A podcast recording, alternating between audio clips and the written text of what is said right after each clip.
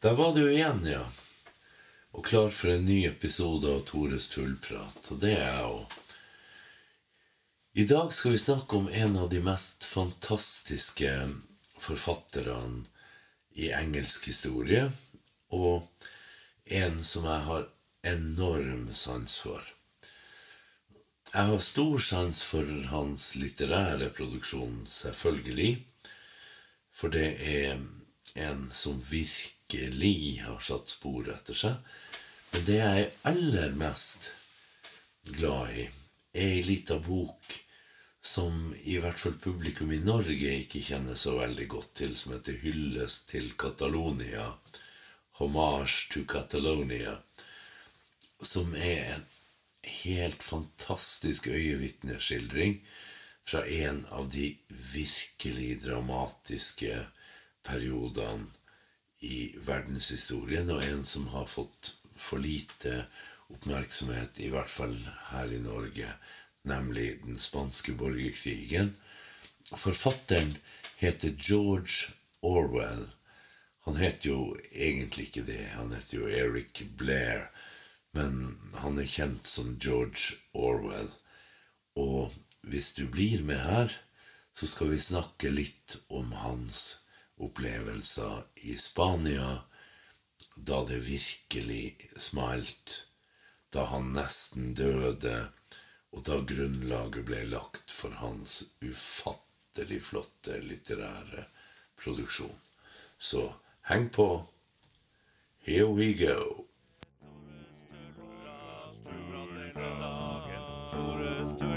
hver mandag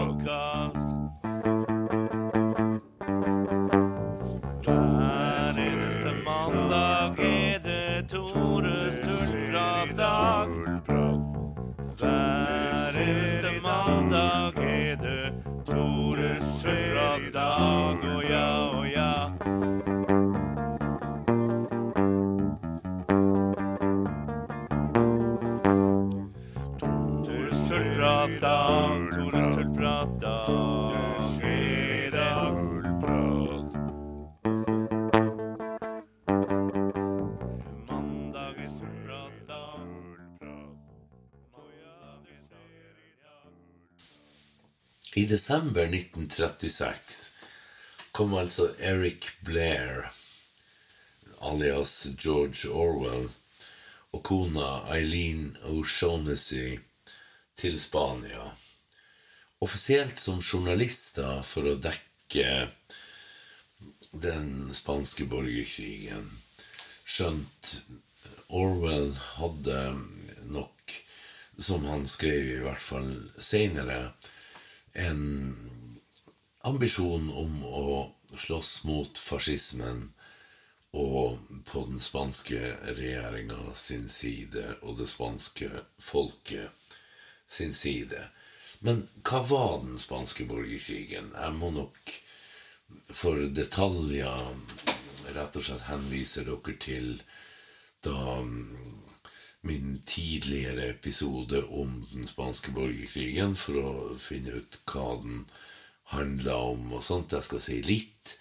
Eller for eksempel da Moen og Sæter sin fantastiske bok 'Tusen dager', som gir et veldig godt innblikk i det her. Men kort sagt så var det sånn at i Spania var det veldig sterke konflikter. Man hadde diktatur. Man fikk en republikk fordi kongen abdiserte. En republikansk regjering som innførte reformer. Man fikk en ja, en skal vi si borgerlig, i hvert fall en reaksjonær regjering som brukte sin tid på å reversere alle reformene forrige regjeringa hadde innført. Og så fikk man en folkefront der også anarkistene for første gang gikk til stemmeurnene, for de brukte ikke å stemme, det ligger i ideologien. Anarkistene sto veldig sterkt i Spania. Så man fikk en folkefrontregjering som til tross for det man kan lese i nå av, av um, litteraturen om Spania, så var de verken kommunistiske eller anarkistiske. Den regjeringa de kunne enes om, var en liberal regjering der bl.a. jordreformer og sånne ting sto sterkt. Og det ble for mye for de konservative av uhorvelig mange slag i Spania. Det var monarkister, fascister, det var all slags konservative krefter, inklusiv den spanske kirka, som mente at det ble helt feil å la folkefrontregjeringa fortsette sitt arbeid, så de begikk regelrett et statskupp i juli 1936. Det her statskuppet var ikke så veldig vellykka, for sjøl om de kontrollerte mye av hæren, så ble de kasta ut av bortimot en tredjedel av Spania, av de store byene og alt mulig sånt. Og ikke minst hadde de hoveddelen av hæren sin stående i Nord-Afrika, i Marokko. Spansk Marokko. Og de hadde de tenkt å bringe over ved hjelp av den spanske marinen. Men problemet deres var jo at marinen på ingen måte gikk over til nasjonalistene, fascistene, kall dem hva du vil.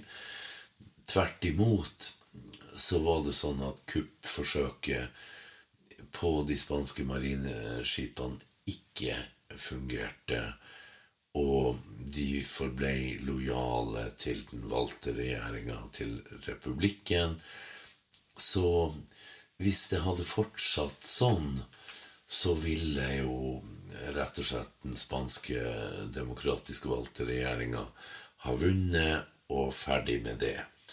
Men så enkelt var det ikke, fordi der fantes en Hitler i Tyskland som stilte opp med fly, som sørga for at rett og slett den I og med at de hadde, tok flyplassen i Sevilla, så kunne man da gjennom ei luftbro med tyske fly bringe de nordafrikanske, marokkanske soldatene inn til fastlandet, og resultatet ble at man da hadde en helt annen situasjon hvor nasjonalister, fascister, monarkister, hva de ikke kalles, ble sterk nok til å slåss en krig på det spanske fastlandet.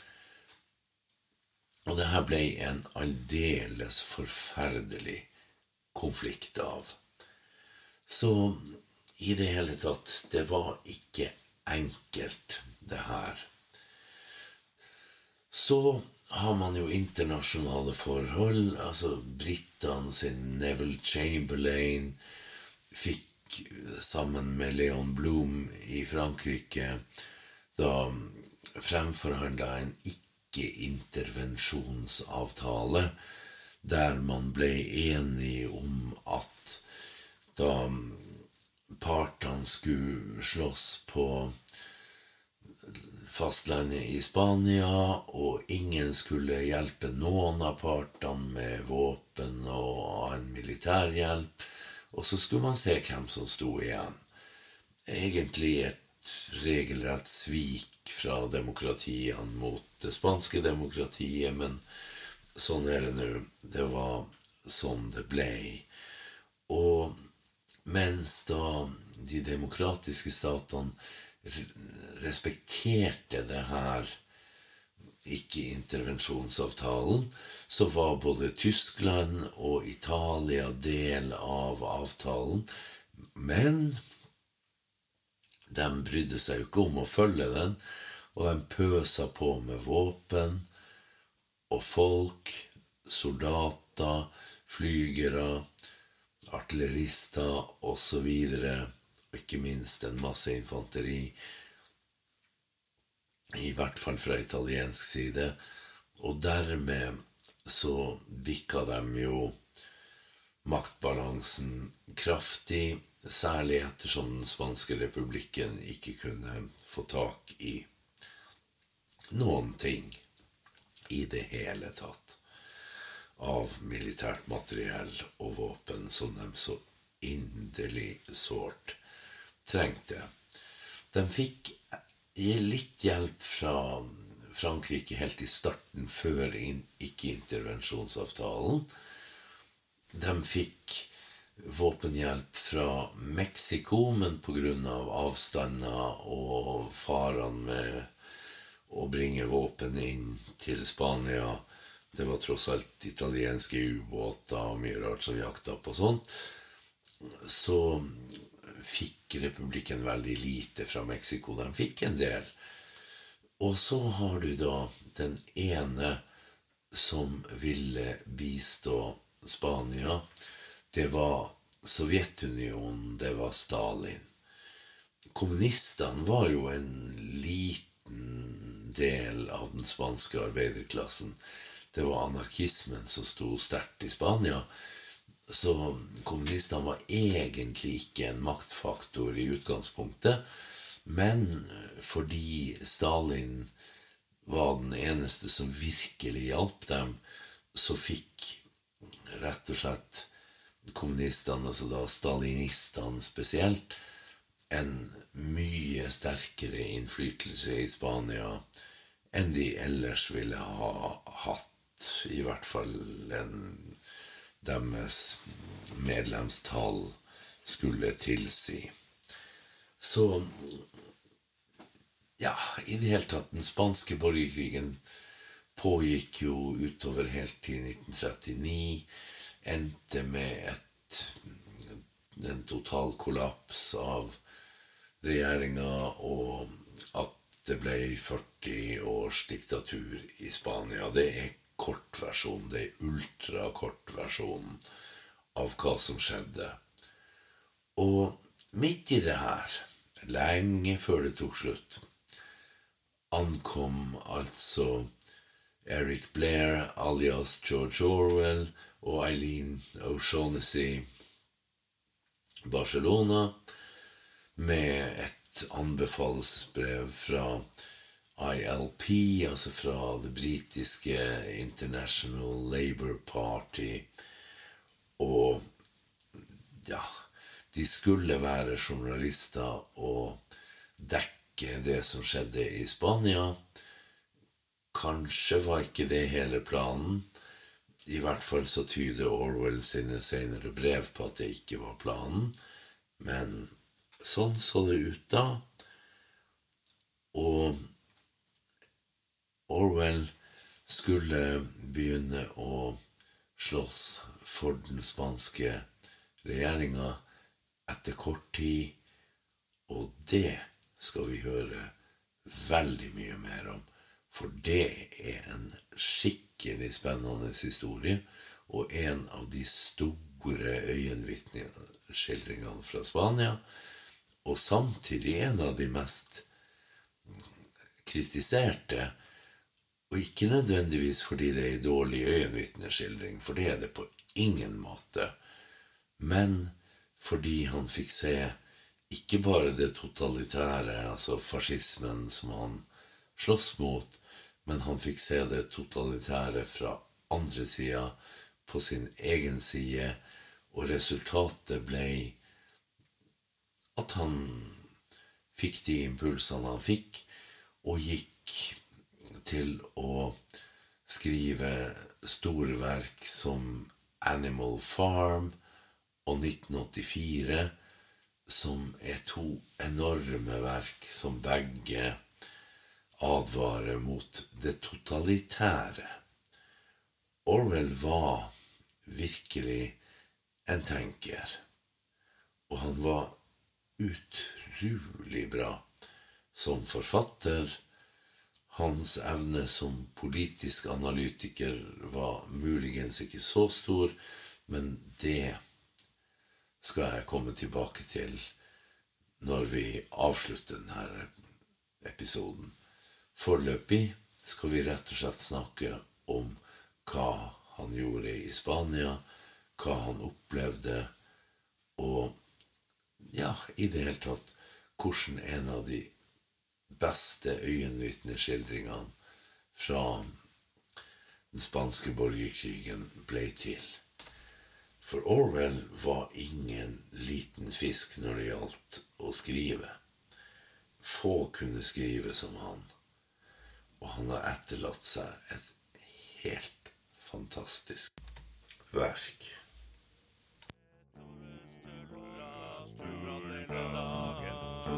Tullprat hver mandag-podkast. Hver eneste mandag er det Tores tullprat-dag. Mandag er Eric Blair, eller George Orwell, var jo ikke noe ubeskrevet blad innen litteraturen. Han vokste jo opp i Burma og skrev en masse ifra ja, ifra kolonien Burma. Han tjente som politimann der. Han, har, han skrev en masse både romaner og essays ifra tida der, og det er generelt veldig negativt til kolonialismen, til den her britiske overklassen som skulle styre og herske. Han har skrevet et fantastisk og forferdelig essay, blant annet som heter En hengning, om da han som politimann var med og henta en kar som skulle henges, hvor han beskriver de menneskelige reaksjonene hos de som utfører så fryktelig arbeid. I det hele tatt han Han utmerker seg med en veldig sosial samvittighet. Og den hadde han med seg til Spania. For det som er med Orwell, er jo at han var jo en fantastisk observatør. Han var også en idealist. Og når han forteller om når han og kona Eileen kom til, til Barcelona, så er det at han ble så inderlig betatt av stemninga i byen. Og det har noe med at han hadde sett så mye fattigdom og nød, og ikke minst nedverdigelse og servilitet. Det at mennesker må underkaste seg andre for å klare å overleve. Det var noe som han virkelig så mørkt på, for å si det mildt.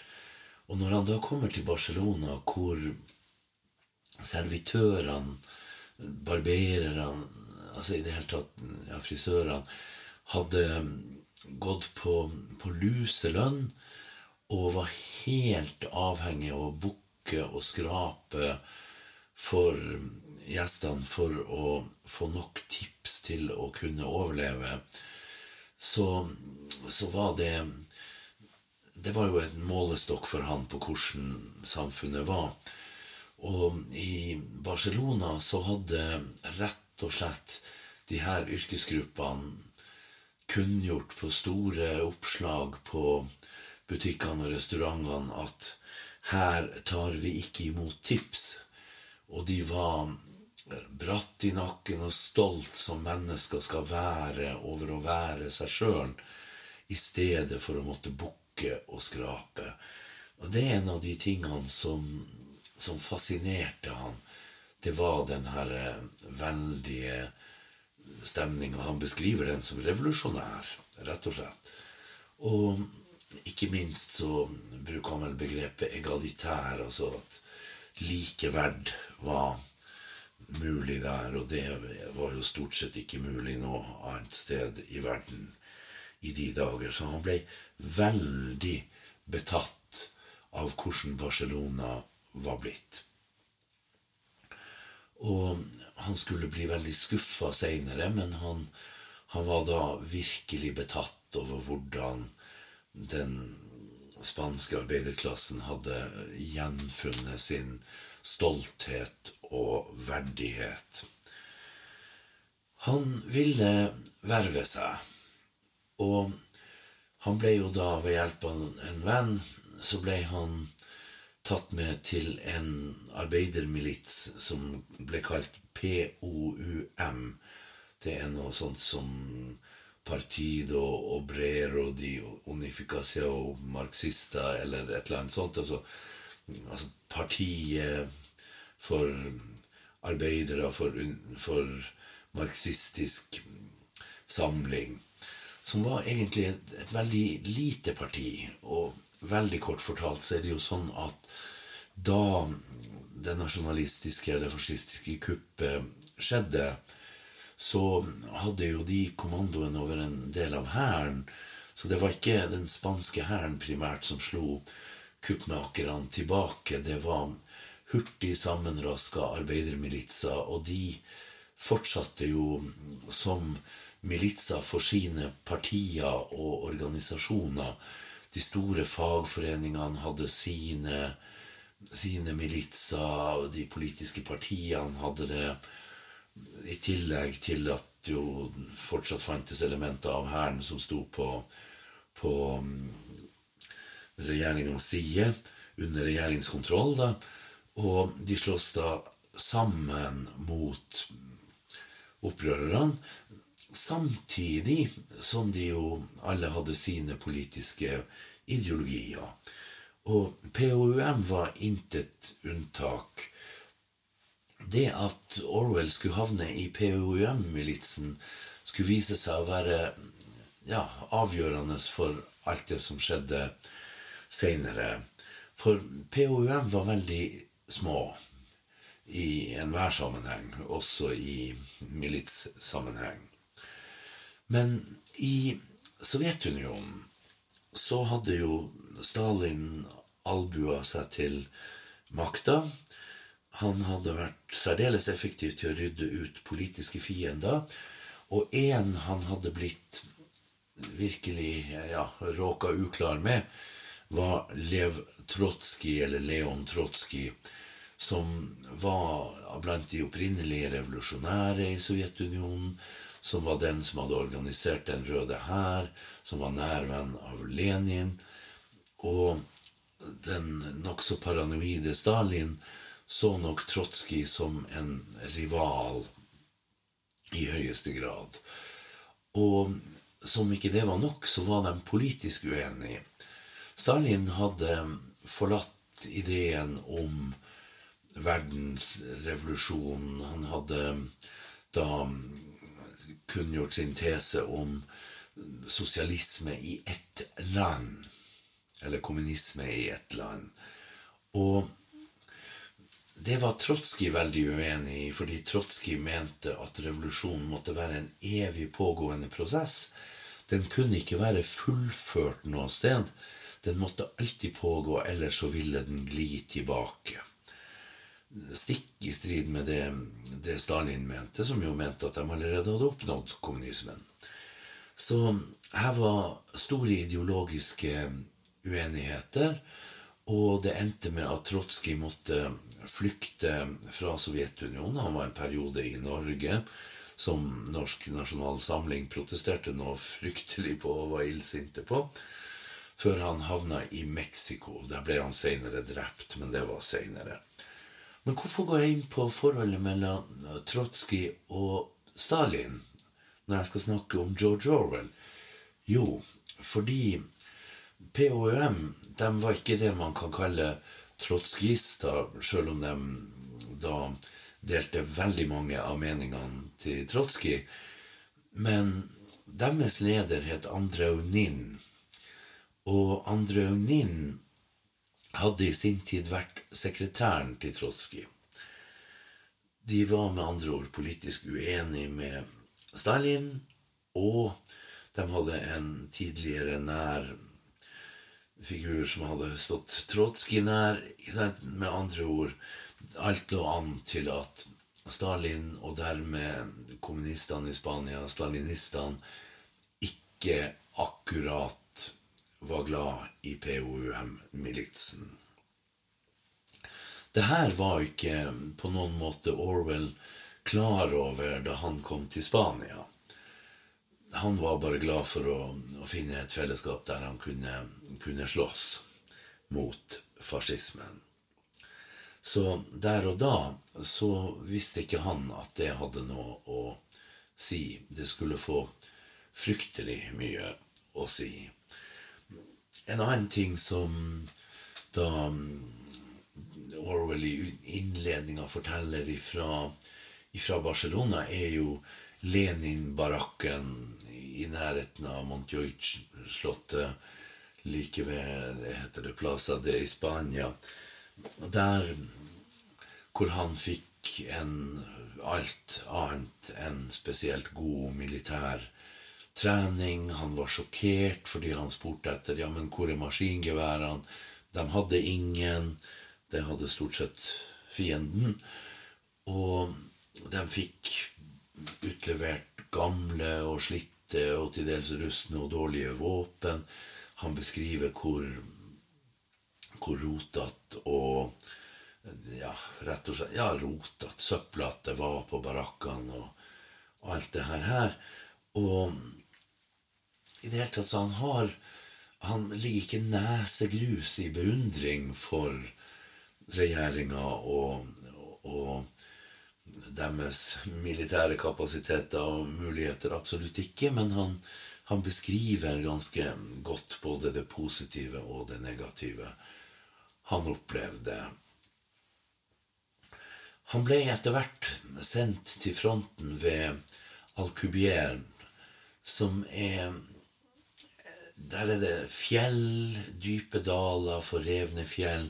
Jeg har vært der jeg har gått i skyttergravene, og i, faktisk i den stillinga der han lå.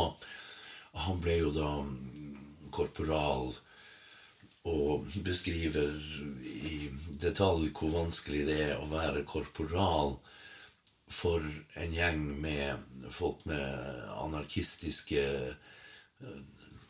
tilbøyeligheter, rett og slett fordi at de, jo, de vil jo gjøre alt ved avstemming. De er jo ikke vant til autoritet og kommando. Det har de jo ingen sans for. Så han har noen historier rundt det. Og han beskriver jo vanskelighetene med å få mat og vann og sånt.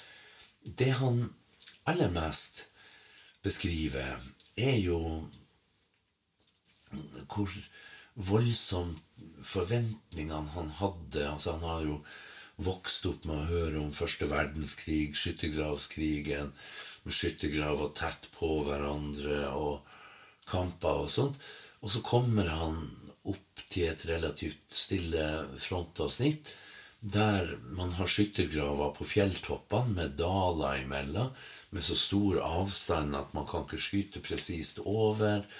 I det hele tatt en, en helt annen sak enn han hadde forventa. Og der ligger han, da.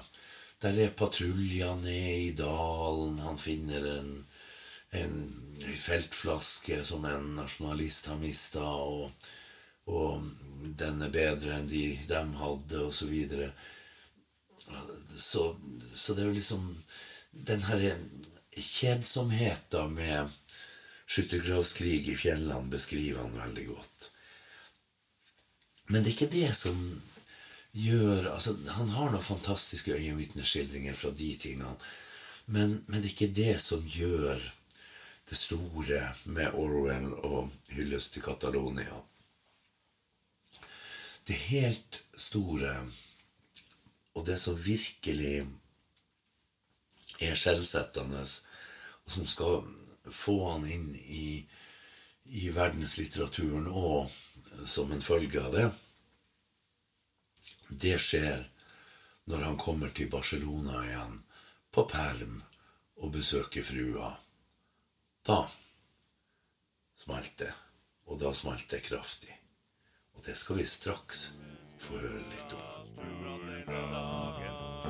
Tores tullprat hver mandagkast. Hver eneste mandag er det Tores tullprat-dag.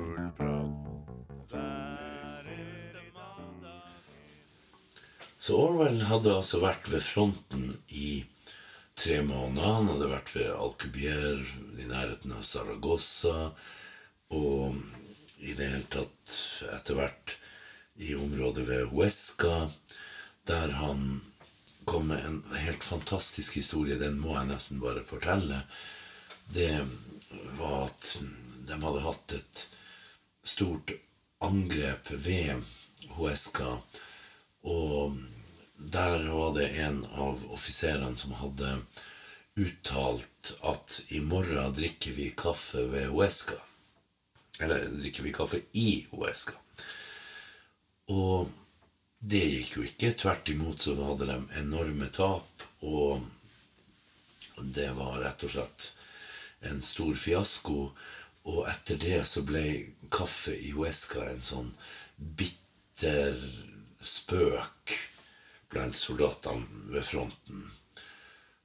Og Orwell sa at hvis jeg noensinne drar tilbake til Spania, så skal jeg gjøre et poeng av å ta en kaffe i Huesca. Orwell kom jo aldri tilbake til Spania.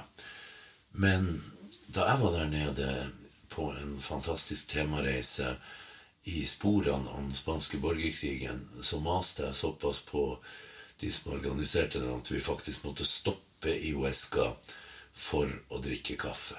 Og det var en svært god opplevelse å drikke kaffe i Huesca.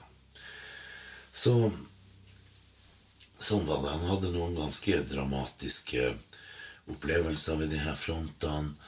Han havna på sykehus en stund med han som måtte gjøres litt med, og i det hele tatt. Men det var ingenting mot det han opplevde når han kom tilbake til Barcelona. For det var nemlig sånn at når han kom tilbake til Barcelona, så oppdaga han at ting hadde endra seg. Tilbake var litt av klasseskillet. Du så forskjell på folk, de som hadde mat, og de som ikke hadde mat igjen. Og ikke minst så var det her servile språket tilbake.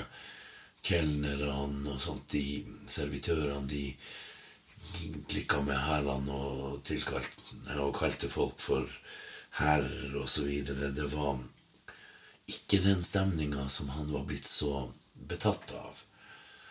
Så det var tydelig at noe hadde glidd tilbake til det gamle, og det skuffa han.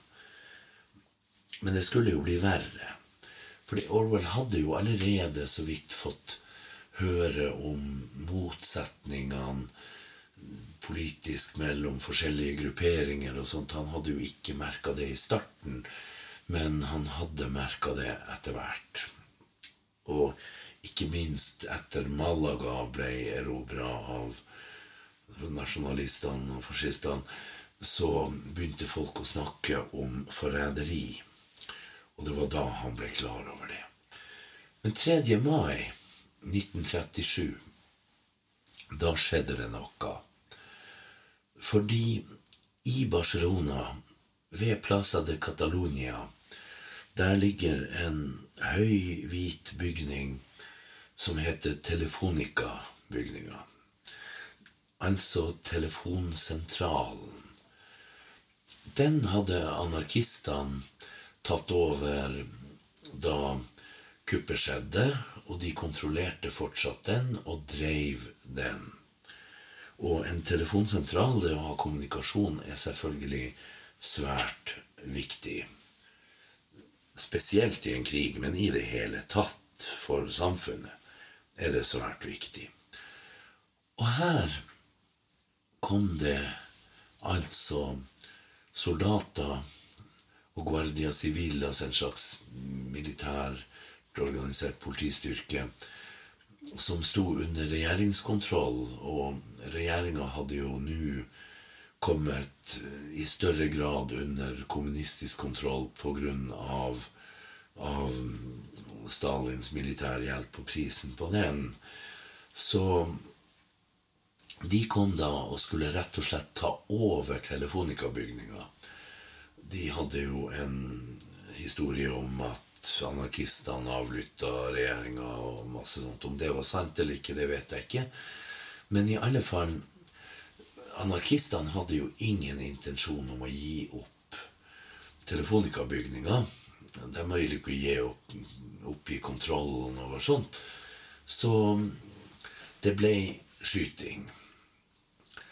Så, det, så midt i en borgerkrig mellom nasjonalister og fascister på ene sida og hele den politiske venstresida i Spania på andre sida, så tar man altså da på venstre side og rett og slett starter en intern borgerkrig mellom sine egne styrker. Det er sjelden en god idé. Det var det ikke denne gangen heller. I alle fall så ble det harde kamper over noen dager. Og de gikk altså mellom kommunister og anarkister, i hovedsak. POUM-militsen, som de sto midt imellom det her, og prøvde å ikke slåss mot noen av sidene. Sjøl om de jo egentlig sto nærmere anarkistene ideologisk enn en kommunistene, stalinistene, så, så holdt de seg ganske passiv under denne krigføringa. Men en dag så våkner de opp og finner ut at Kafé Moka, som er bare noen få hus overfor POUM-hovedkvarteret på La Rambla, det er da okkupert av Guardia Civil, som er da altså det militærorganiserte politiet her. Og de skjønner jo at Guardia Civil ikke har inntatt og barrikadert denne kafeen bare for moro skyld. Tvert imot så er det jo sånn at at det, Orwell oppdaga jo det ved at det ble, ble skyting. Og det viste seg at det var en amerikansk frivillig i POUM-militsen som ble beskutt av Guardia Civil, og det var et voldsomt styr hvor man kasta håndgranater opp for å holde, holde Guardia Civil sine hoder nede, mens amerikaneren skulle kunne komme seg i sikkerhet og, og sånt. Og de skjønte jo at Guardia Civil var der for å angripe dem etter hvert. Sannsynligvis over takene for de her husene i samme kvartalet. Det var jo et styr. Jeg kan ikke fortelle hele historien her, for den er lang og den er voldsomt detaljert, men, og voldsomt spennende. Så les boka.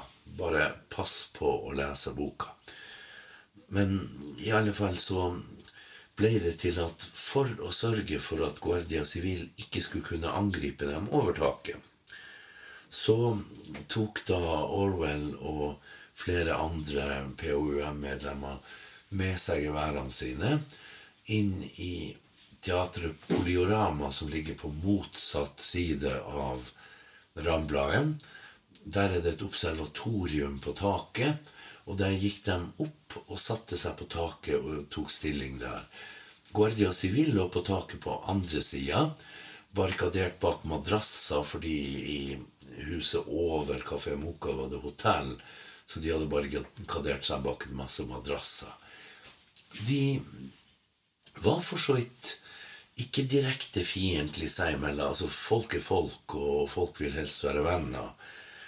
Så det de, det de gjorde, var jo å inngå en, et par avtaler. Først så var Georges Kopp, en belgier, han gikk jo til Guardia Civil og forhandla med dem og rett og slett bytta bort et gevær til dem, for de hadde mista et, mot å få alt ølet som var i Kafé Moka, som da POUM-folket koste seg med etterpå.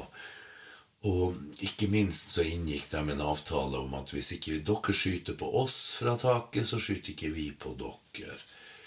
Det var jo greit. Så der satt Orwell tre dager og tre netter og passa på rett og slett at ikke vi ble angrepet. Og det var jo en voldsom sak. Og der satt de mens det smalt og dundra rundt om i Barcelona.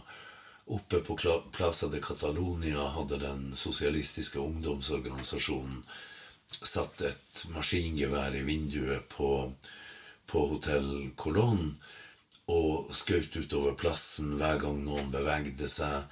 De rett og slett der, Den er annet en historie med et begravelsesfølge som ikke kunne kryss, komme rundt et hjørne over plassen fordi det ble skutt hver gang noen kom frem. Det var i det hele og det store en ganske voldsom og dramatisk situasjon. Det var ikke bra i det hele tatt. Men etter en del krigføring der, så kom det fra Valencia soldater. Ufattelig mye bedre utstyrt enn noen av militsene. Det var da regjeringssoldater som skulle gjenopprette ro og orden. Og kampene døde hen. Orwell var jo ute for å, å skaffe brød inne på Mercate Skal vi se hva det heter igjen? Mercat la Buccheria, som fortsatt ligger der. Et fantastisk marked under glasstak i, på Ramblaen. Der ble det jo da skyting, så han måtte løpe derifra med uforretta sak og uten mat. Mens det singla i glass som datt ned fra taket, så det var en heftig sak. Det var stor dramatikk, denne her kampene i Barcelona, men de døde ut relativt fort. Men det skulle få konsekvenser. Det skulle få voldsomme konsekvenser seinere, men det skjønte ikke Orwell da.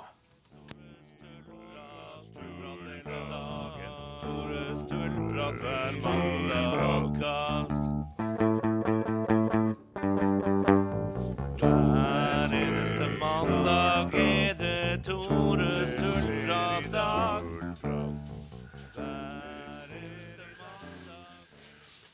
Så Orwell dro tilbake til fronten etter at kampene i Barcelona hadde dødd ut.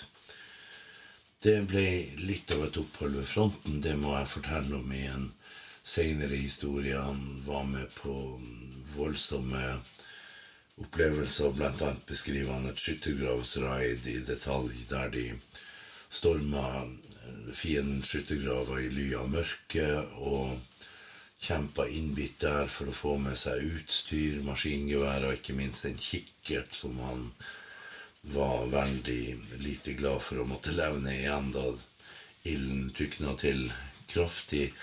Han sloss hardt og var en respektert offiser etter hvert.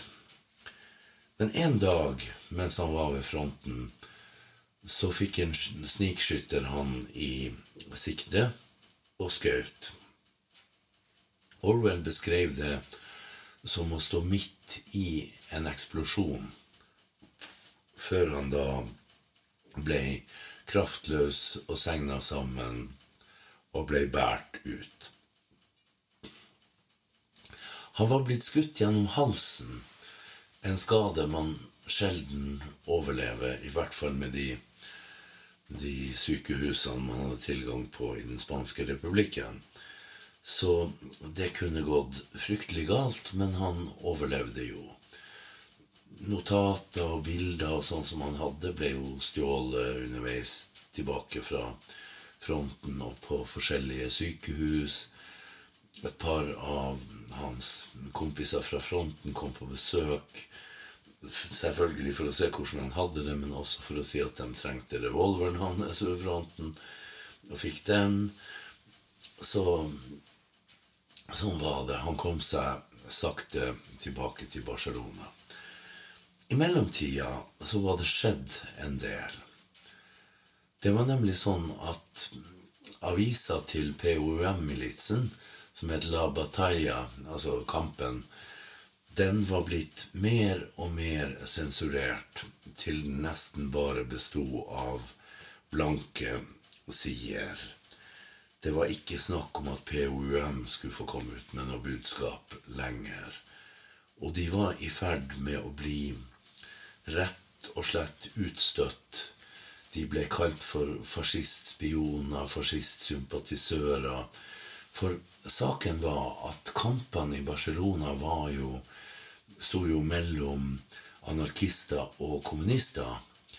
Men kommunistene var på ingen måte sterke nok til å til å ta noe oppgjør med anarkistene, og vice versa, for den saks skyld. Og noen måtte få skylda for det som hadde skjedd, og ingen passa vel bedre enn POUM, som jo sto på den trotskistiske sida, og som stalinistene naturlig nok da ikke likte i det hele tatt. Så det var jo en mulighet til å bli kvitt en rival og samtidig få plassert skyld et annet sted. Så når Orwell kom tilbake etter å ha vært såra, så var alt forandra. Og han bodde rett og slett ute i en park fordi det var for risikabelt for han å ta inn noen steder. Og han kunne ikke bare gå og besøke kona si på Hotell Colon, for det, det var livsfarlig. Mange av, av Orwell sine venner i POM-militsen var jo arrestert. De ble arrestert etter hvert som de kom tilbake fra fronten. Det var derfor han måtte gjemme seg for å unngå den skjebnen. Bob Smilly, en god venn av han, ble jo drept, blant annet. Og ikke minst George Kopp, den belgiske kommandanten jeg har snakka om fra før, havna i fengsel. Og Orwell og kona, de risikerte faktisk livet ved å få besøkt han i fengselet. Det absurde var jo til og med POUM-hovedkvarteret, bygninga deres, ble omgjort til fengsel hvor flere av dem satt. Og ikke minst så forsvant lederen av POUM, Andreunin. Han bare forsvant sporløst. Og det er først i nyere tid man vet hva som skjedde med han, og man har fått identifisert et lik som ble funnet langt, langt unna et menneske som var torturert i hjel. Så han fikk ingen trivelig skjebne. Alt det her førte jo da til at Orwell og kona Eileen de måtte flykte fra Spania. De klarte å ta seg med tog ut. Han brente selvfølgelig alle POUM-papirer han hadde, og de kom hjem. Orwell, som jo hadde mye fint å si om Spania og spanjolene, han gleda seg fryktelig til å komme hjem til vanlig mat som ikke var stekt i olje, men det er en annen og mindre historie. Så han gikk i gang med å skrive sine opplevelser fra borgerkrigen rett etterpå. Det hylles til Catalonia ble utgitt i 1938, altså mens borgerkrigen fortsatt varte. Og Orwell var jo da fortsatt absolutt sosialist, men det han sjøl beskrev som demokratisk sosialist. Han ble på ingen måte noe populær hos den mer ytterliggående venstresida, i hvert fall ikke den Stalin-tro delen av venstresida, fordi han hadde ikke bare godt å si, for å si det litt mildt.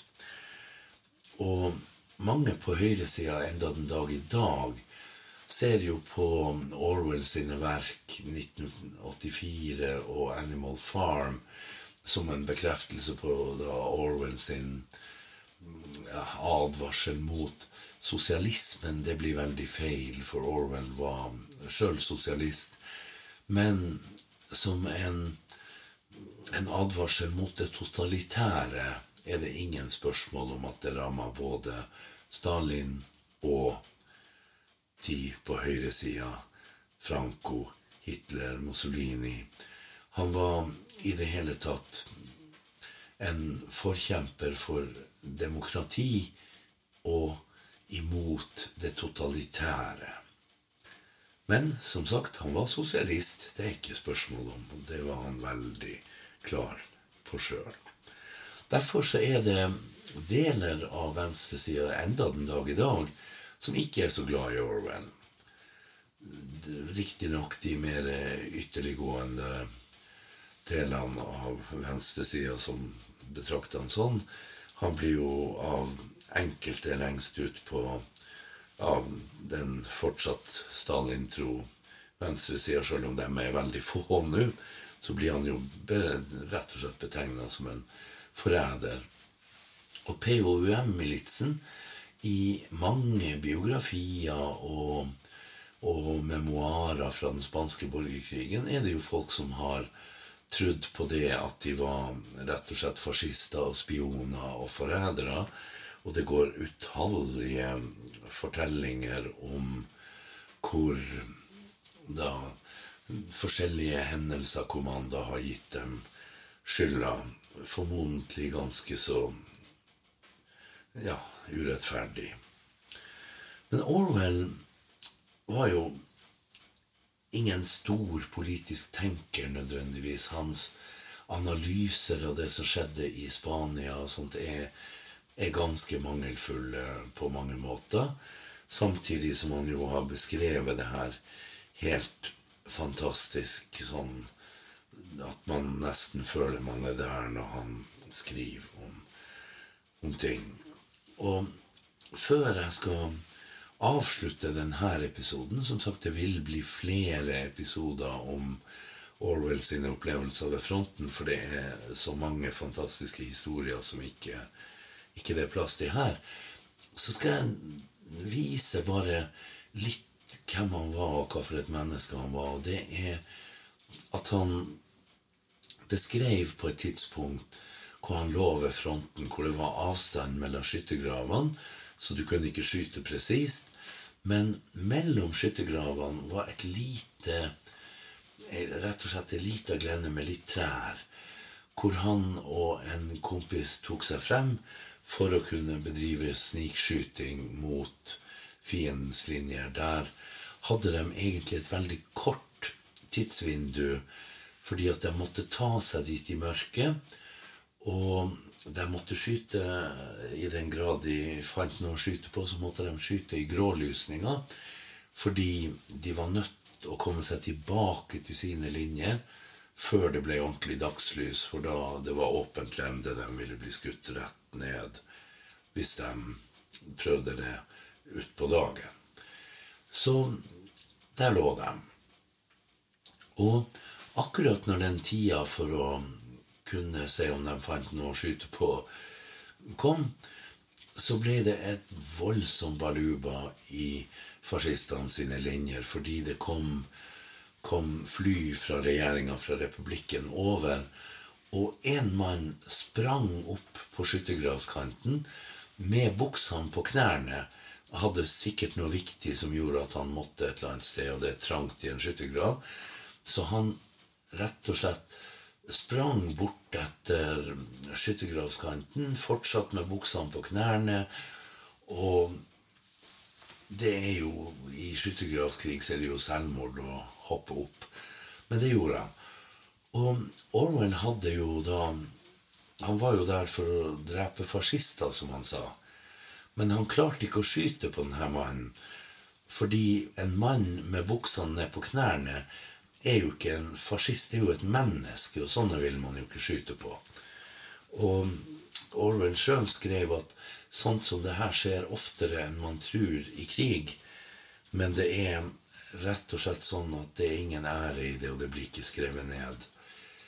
Så han var sterkt imot det totalitære og fascismen, og samtidig i høyeste grad et menneske.